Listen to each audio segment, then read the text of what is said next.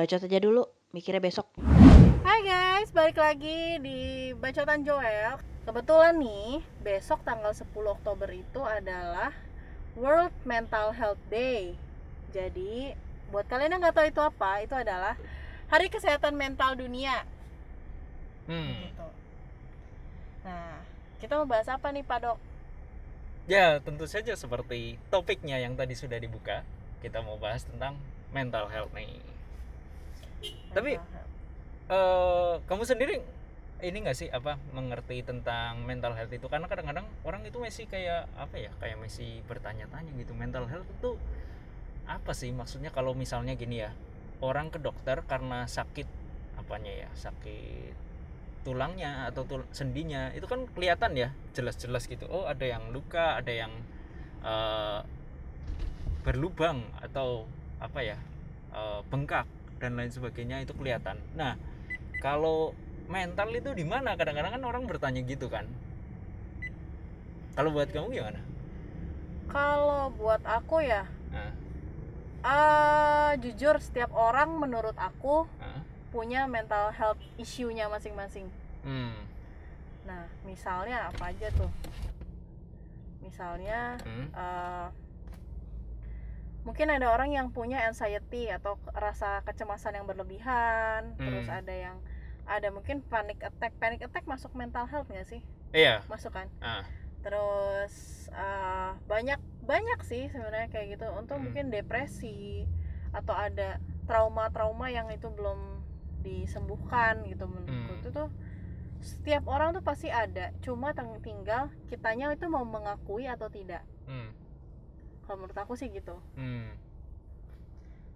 nah sebenarnya sebelum kita mulai lebih jauh eh, kita batasin dulu ya. Dari dalam hal ini kan aku sebagai seorang dokter umum yang sedang ambil spesialis di bidang kedokteran olahraga. Tentu saja aku pernah mendapat pendidikan tentang mental health dan isu tentang eh, kesehatan eh, mental tersebut. Tapi seperti halnya dokter yang tidak mendalami spesialis kesehatan jiwa maka pengetahuanku itu adalah pengetahuan yang minimal jadi di sini aku akan berbagi dari sudut pandang ya pengetahuan yang minimal itu kalau teman-teman nanti tertarik untuk lebih jauh bisa hubungi ke psikolog atau dokter spesialis kesehatan Kejiwaan. jiwa psikiater psikiater ya yang teman-teman percayai untuk lebih lanjut membahas tentang isu-isu ini. Intinya sih sebenarnya gini sih, kalau misalnya kita bahas mental health itu seperti halnya judulnya kan mental health ya, berarti itu kesehatan mental. Seperti halnya tubuh kita lah. Sebelum sakit biasanya ada gangguan kan. Jadi Hmm. jadi itu sakit itu bukan suatu yang serta merta gitu kalau misalnya tadi kamu bilang ada masalah trauma hampir semua orang punya trauma sebetulnya kan tapi tidak semua orang itu menjadikan traumanya sebagai mm, gangguan kesehatan mental kan.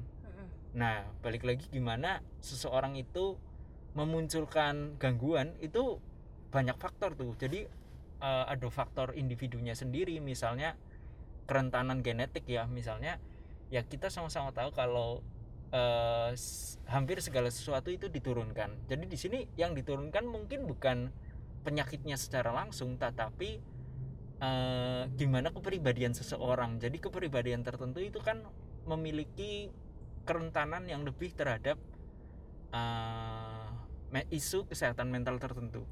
Contohnya mungkin orang yang bisa dibayangkan kan orang yang eh, perfeksionis gitu kadang-kadang dia eh, terlalu apa ya memaksakan dirinya untuk menjadi sempurna. Itu kan juga sesuatu yang mengganggu sebetulnya. Kadang-kadang kalau itu dirasa berlebihan dan mengganggu aktivitas sehari-hari mengganggu produktivitas nah itu sebetulnya udah tanda kalian harus periksa ya minimal kalau nggak mau ke psikiater atau karena misalnya takut diberi obat atau lain sebagainya ya bisa ke psikolog dulu gitu loh. Karena kalau kalian nggak nggak ada upaya untuk mencari pertolongan itu biasanya yang hmm, akan berlanjut lebih parah gitu. Tapi kamu ada pengalaman nggak? Kalau aku Hmm. Jujur aku memang ada mental health issue ya hmm. karena aku ada trauma berat ada ada trauma trauma trauma yang bikin aku jadi eh, apa ya namanya berpengaruh di psikis aku gitu Hmm. nah itu dan aku aku bukan eh, apa ya bukan self diagnose ya maksudnya aku Hmm. aku benar-benar ini dari psikiater aku Hmm, hmm, hmm. Dan itu memang harus banyak yang harus aku lakukan gitu Ah, untuk menyembuhkan diriku sendiri dari Hmm. luka-lukanya itu hmm. gitu Tapi kamu ke psikolog juga? aku Double. sih selama ini ke psikiater dulu Hmm. nah kalau untuk ke psikolog kebetulan ada guru BK aku Ah, waktu SMA ah. Kita akhir-akhir ini baru lagi sering chattingan nih dan aku Hmm. akhirnya baru mau membuka diri Hmm. bu saya tuh sedang mengalami hal seperti ini jadi ya hitung-hitung aku jadi ke psikolog juga sih karena Hmm. dia kebetulan psikolog Hmm. kayak gitu Hmm. Aku nangkep satu poin yang penting banget yang tadi kamu bilang jangan self diagnose karena sekarang itu kan informasi apa aja banyak didapatkan Banyak di di Google, Google. ya. Jadi karena kan, gini sih Hmm. dulu aku pernah ngerasa Hmm. aku dulu pernah self diagnose hmm, dan aku tuh ngerasa kayak wah aku ini aku itu aku ini aku itu tanpa itu bukan memang bukan dari si psikolog atau Ah. psikiater ya Ah. gitu terus jadinya kalau efeknya dari self diagnose yang tadinya mungkin kita cuma sekedar hal kecil gitu Ah. atau bukan hal kecil mental issue bukan hal kecil sih sebenarnya hmm.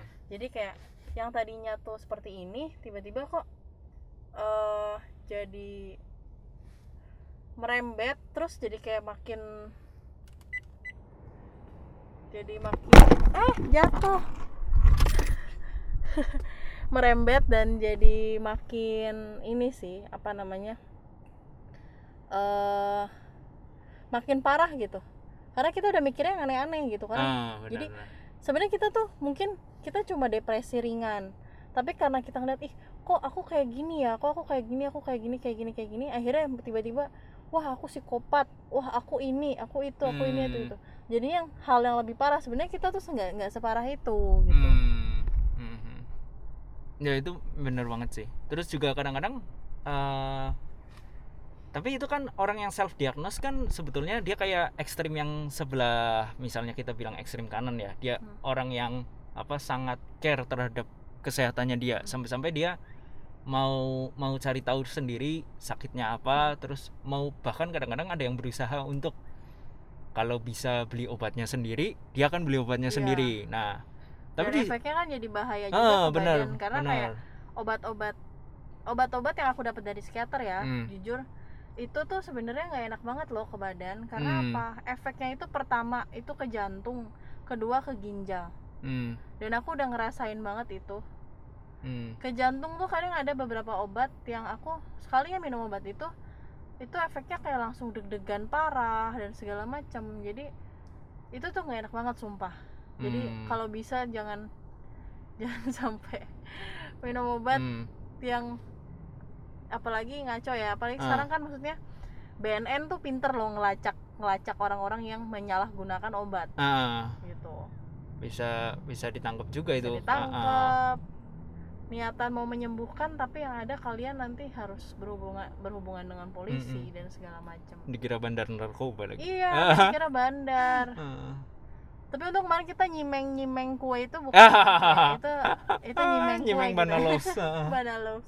nah itu terus kadang-kadang yang di sisi satunya di ekstrem kiri adalah orang-orang yang eh, mereka merasa baik-baik saja seolah tidak ada masalah gitu. Nah biasanya juga ada yang seperti itu. Jadi kalau Jadi misalnya dia denial gitu eh ya? denial bener. Jadi kayak misalnya eh biasanya nih kalau lingkungan itu sudah banyak yang bilang kita bukan berarti anggapan lingkungan itu selalu benar ya tapi kalau mayoritas orang itu sudah menganggap kita bermasalah kita perlu refleksi diri sih.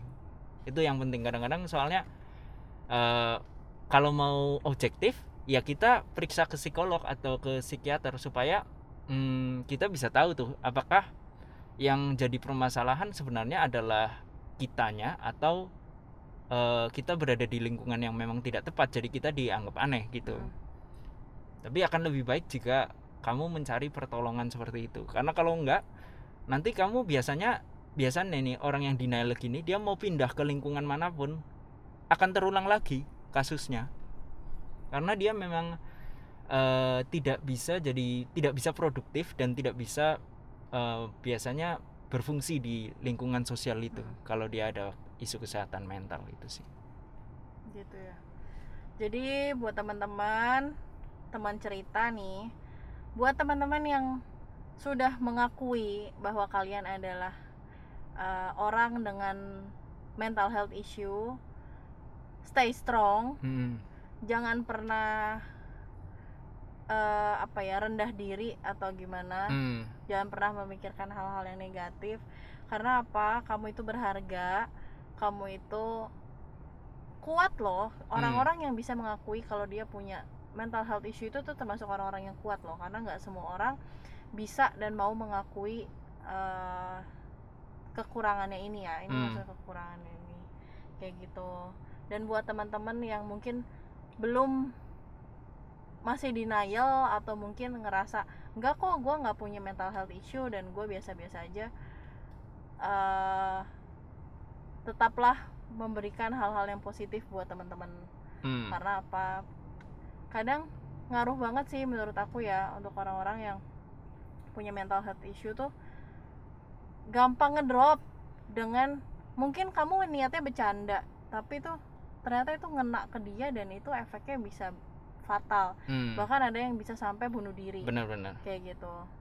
Karena suicid apa suicidal thoughts itu itu bahaya banget sih Hmm, gitu. dan jangan dijadikan bercandaan Dan itu. jangan dijadikan maksudnya kadang-kadang ada teman yang ya udah kalau kamu berani Bunuh coba aja bunuh diri aja. Nah nanti dan tahu-tahu itu dia aku pernah mengalami. Oh, aku pernah mengalami dan bahkan aku sudah nekat hmm, untuk bunuh diri. Hmm, aku sudah nekat untuk bunuh diri cuma karena perkataan yang mungkin menurut kalian tuh menurut orang-orang tuh kayak ah itu kan paling bercandaan aja. Hmm, tapi nggak semua orang tuh bisa kayak gitu kayak Hmm. gitu loh.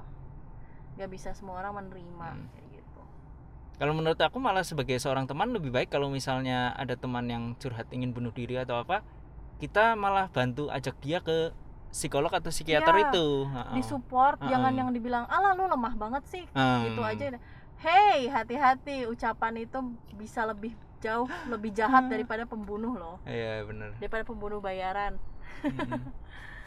gitu. Ya sudah kalau gitu teman cerita sampai di sini pembahasannya. Selamat hari kesehatan mental dunia. Happy Hmm. world mental health day. Stay strong stay positif stay healthy buat teman-teman cerita. Mungkin Nah. ada pesan-pesan terakhir Ya, pesan terakhirnya jangan lupa kalau misalnya kamu merasa kayak ada ada sesuatu yang salah dalam dirimu atau ada sesuatu yang mengganggu di perasaan kamu ya. Yang itu berkepanjangan. Biasa kalau orang sedih, temanku seorang dokter psikiater eh, dokter Jamie pernah bilang gini, kalau sedih sesekali dalam hidup itu namanya normal, itu namanya hidup. Tapi kalau sedihmu itu misalnya udah berkepanjangan, udah dua minggu lebih sampai satu bulan, nah itu tandanya kamu ka- perlu mencari pertolongan sebenarnya. Ada lagi kalau misalnya kamu merasa ada perubahan perilaku dalam dirimu, misalnya tadinya ti- tidurnya misalnya tadinya di jam yang normal jam 10, jam 11, terus jadi Insomnia sekarang gitu ya iya insomnia sulit tidur atau malah jadi kebanyakan tidur. Nah, itu juga udah tanda-tanda perlu mencari pertolongan juga. Oh. Itu kalau merasa kayak apa ya? Merasa sepi, merasa seperti hidup itu hampa. Nah, itu juga tanda-tanda kalian harus butuh cari pertolongan sih. Iya. Dan kita tuh ketemu sama dokter kayak psikiater atau Hmm. psikolog tuh bukan berarti kalian tuh gila ya. Hmm, benar. Itu itu Karena- anggapan yang Tanggap apa respon orang di sini kan masih kayak ah gitu. benar-benar. Gitu aja. Oke deh. Sampai di sini dulu teman cerita. Bye bye. Bye bye.